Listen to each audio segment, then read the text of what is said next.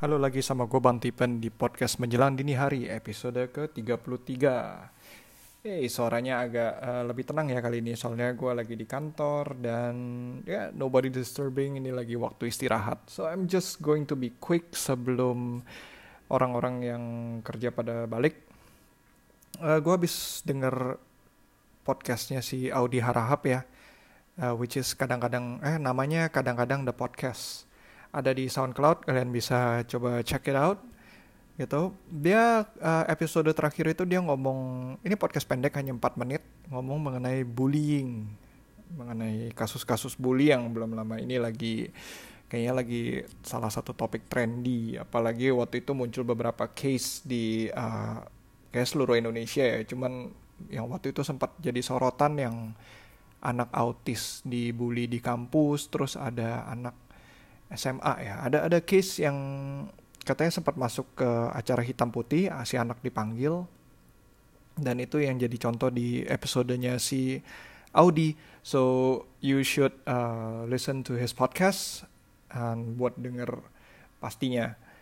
Um, jadi dia ada ngebahas siapa sih sebenarnya yang menentukan standar bullying itu gitu, standar bercanda antar teman itu bisa masuk kategori bullying itu siapa yang nentuin uh, sampai mana batasannya gitu, ya.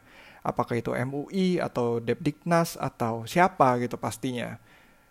Hmm, soalnya kadang-kadang namanya temen antar temen ya. Jadi di acara hitam putih itu katanya si Deddy Kobusier udah manggil anaknya. Terus anaknya bilang, enggak, gue nggak dibu, gue nggak merasa dibully. Ini ini bercanda antar temen. Tapi menurut orang-orang kayak, oh enggak itu dibully gitu. Nah ini kenapa gue mau share soalnya seperti judul gitu The biggest bully is my best friend. Jadi waktu gue SMA ceritanya, gue masih jadi inget masa-masa SMP SMA gue nih. So masa-masa sekolah itu sebenarnya buat gue itu bukan masa yang paling menyenangkan dalam hidup gue ya.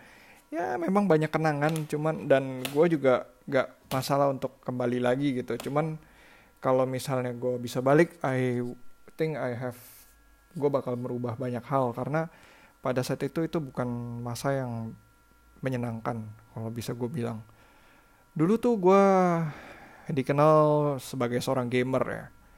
Jadi gamer yang ya yang benar kayak main kerjanya main PlayStation main game komputer gitu. Semua game kayak gue mainin zaman dulu tuh lagi tren di CS gue main CS terus uh, Nexia terus ada banyak lah gitu Unreal Tournament lah atau apa semua gue main.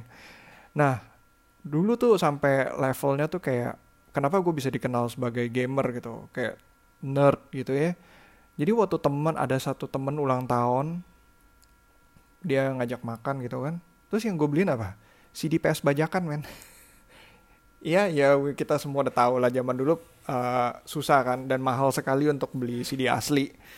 Nah dulu gue beli CD PS tuh bajakan sampai 5 judul gue gua kadoin gitu kan buat dia. Terus kayaknya uh, gabungnya selalu sama geng-geng yang sama-sama gamer, sama-sama yang misalnya koleksi Gundam. Gue koleksi Gundam tuh dulu tuh kayaknya satu salah satu fancy things gitu ya.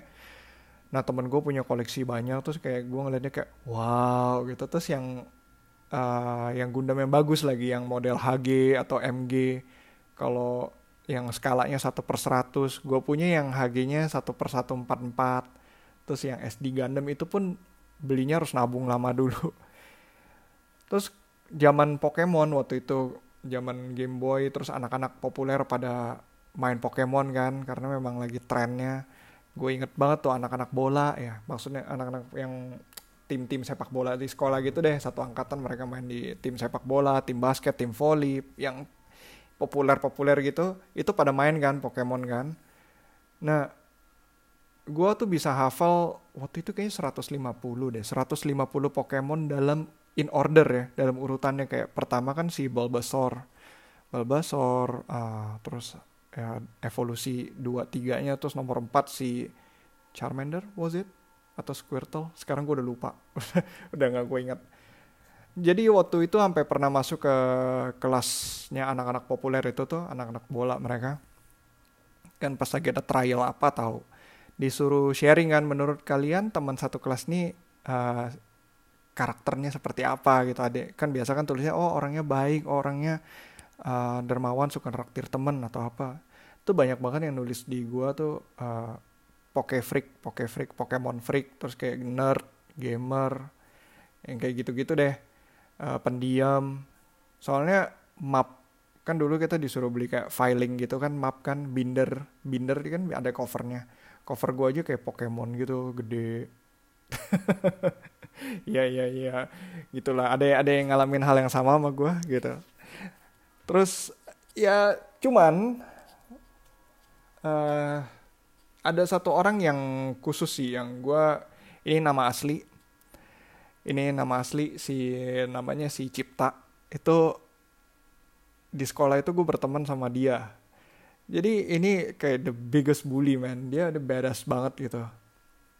Dia kayak suka balap mobil terus uh, punya pacarnya anak junior gitu. Terus prestasi belajarnya jelek. If cipta lu kalau lu dengerin ini udahlah. Ya emang faktanya aja gitu. Uh, ya orang-orang juga ngelihat gue dibully sama dia. Kadang secara fisik kayak gue ditimpa terus dikelitikin sampai parah gitu kan di depan ya di memang di belakang cuman kan satu kelas pada tahu dong gitu. Gue dikelitikin ditimpa. Terus lagi di kamar mandi abis abis pelajaran berenang tuh di kamar mandi dipelorotin celana dalamnya kayak sampai satu orang satu kayak pokoknya pas lagi berenang semua pada tahu gitu kayak ngeledek gitu oh my god gitu. Kayak, gila apa uh, wah ya zaman dulu kan SMP ya. Wah lu belum numbu tuh bulu di sana gitu. Atau lu cukur ya. Sampai sampai itu jadi satu ba satu bahan ejekan satu angkatan main gila malu. Itu kayak itu nggak lucu banget sumpah waktu itu. Terus kayak dia bikin dia secara verbal juga sering diledekin. Terus dia bikin satu panggilan nama buat gue yang sampai sekarang tuh anak-anak satu angkatan tuh panggil gue pakai nama itu uh, ya ya satu nama gitu yang kayak uh, kayak contohnya apa ya? Contohnya kayak si Bagong lah si Tonggo si si monyet gitu. Ya, ya nama-nama kayak gitulah. Nah ya dia juga kenapa gue bisa bilang the, dia the biggest bully? Soalnya dia juga ya dia juga bully yang lain gitu bukan cuman gue dia ada kayaknya ada yang lebih parah sih enggak sih. Ada ada beberapa orang yang dia tahu dia nggak akan bisa nimpa gitu. Cum, uh, cuman ya gue kebetulan gue cungkring kali ya. Gue bisa ditimpa waktu itu. So ya yeah, gitulah. Orang-orang ngeliat gue pasti bilang ini dibully. Terus kalau zaman sekarang pasti ini udah dimasukin ke level bully gitu. Waktu itu belum ada sosmed aja. Kan adanya cuman kayak um, apa ya zaman dulu Yahoo Messenger atau IRC MIRC kalau yang pada ingat uh, channel bawel. Terus channel apalagi kita kan punya satu apa yang sekolah itu ada ada channelnya sendiri ada adminnya juga. Anyway dia lucunya ya lucunya dia become one of my best friend waktu itu. Udah kayak Tom and Jerry kayaknya kalau nggak ada salah satu sama lain gitu kayaknya berasa kehilangan gitu. Emang orangnya soalnya lucu orangnya basicnya juga lucu. Dia dia kayaknya makanya gue bisa menganggap dia ngebully itu dengan tujuan bercanda gitu kan. Karena dia juga suka ngelucu ngelawak juga gitu. Tanpa perlu ngebully dia suka kadang suka ngelawak. Ngeledekin guru lah ngeledekin apa gitu kan. Ya kenapa gue bisa bilang kayaknya berasa kehilangan? Kayaknya soalnya gini loh.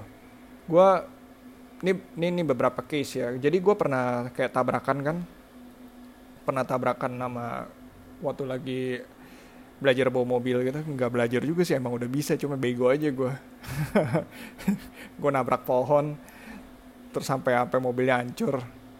Jadi dia tuh sampai datang jenguk beberapa kali ke rumah buat nengokin gitu apa udah bayan belum kondisi lu gimana gitu. Terus kan gue nggak punya mobil sedangkan dia udah bisa bawa mobil waktu itu. Zaman dulu tuh sebelum gue punya mobil dah dia udah bisa bawa mobil. Uh, eh, gue dijemput terus diantar pulang. Buat diajak keliling aja seru-seruan gitu. Kalau misalnya ada acara kumpul-kumpul ntar uh, misalnya sepulang sekolah gitu mau pergi ke mana. Terus kan ya gue biasanya pulang kan karena kan gue nggak bisa bawa mobil. Nggak punya mobil juga. Terus kayak bilang e, lu ke mana? Udah lu ikut aja gitu. Daripada ntar kita kan lagi rame-rame udah ikut aja deh. Uh, ntar gampang lu gua anter kayak gitu modelnya terus kadang dia misalnya pergi pacaran pun gue diajak misalnya kadang-kadang uh, pacaran memang dia sih nggak ngomong gimana cuman paling uh, eh lu ikut aja sama gue sini gitu. Lu ikut ikut ter dia pacaran terus kan uh, pacarnya dia juga kan bawa bawa temennya gitu kan cewek.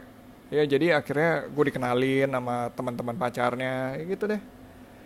Ya ya ada hal-hal yang lain juga cuman gue nggak nggak inget tapi yang yang paling gue inget tuh ini gitu dan juga dia suka curhat bilang eh cewek gue gini gini.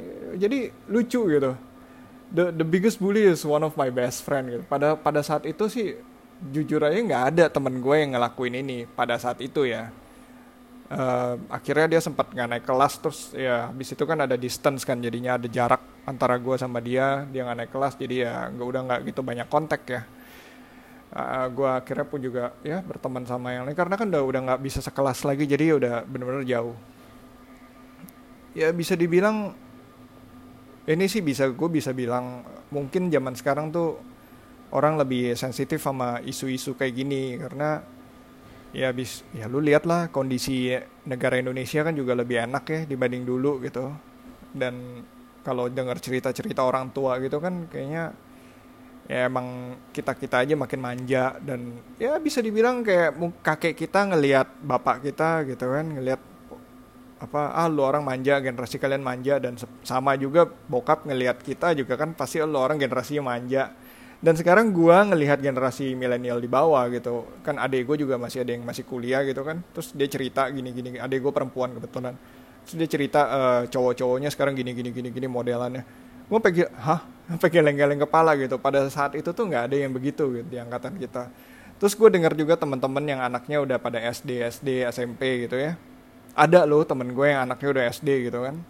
Dan memang beda sekali gitu pergaulan pergaulan anak anak SD zaman dulu sama zaman sekarang. Like totally different gitu. Mungkin makanya kenapa kita juga harus ngerti juga ya kondisi anak-anak itu dari supaya kita bisa ngerti uh, keadaan psikisnya mereka gimana. Karena kan udah berbeda zaman mungkin dulu kita oke okay, fine tapi buat anak sekarang yang lebih lembek itu ya it's, itu itu something gitu something huge. Karena memang keadaannya udah udah berbeda lah. Kalau dulu kita mikirin soal soal isu yang kayak misalnya apa ya? Ya isu-isu seperti ya gini deh paling gampangnya ya. Coba coba lihat orang Korea Utara atau enggak di Irak gitu ya Afrika ya coba mengenai kasus bullying gitu kayaknya nggak nggak jadi nggak jadi sorotan gitu di publik. Boro-boro ngomongin hak asasi manusia katanya. Besok gue bisa makan atau kagak aja belum tentu belum tentu kepikiran gitu kan. Nggak jadi nggak ada yang peduli gitu karena kita lebih fokus ke acara urusan makan urusan yang basic human needs gitu dibandingkan yang kayak udah kayak tambahan seperti hak hak asasi lah hak-hak lainnya lah gitu ya. Jadi makanya bener juga apa kata si Audi ini gitu ya siapa sih yang nentuin bully itu batasannya di mana? Ya, ini kan kasus gua aja salah satu case yang mungkin juga bisa dipelajarin gitu. Ya moga-moga lah uh, bisa mungkin entahlah gue juga masih nggak ngerti gitu. Gimana sih bi ngomongin bully gitu? Kan zaman sekarang udah pasti beda banget. Apalagi kayak kadang kayak di sosmed gitu ya kalau lu public figure gitu kan kalau sampai di kayak oh ada yang ledek-ledek gitu ya yang nggak usah dipedulin juga sih. Dipedulin juga lu bikin bikin pusing gitu kan.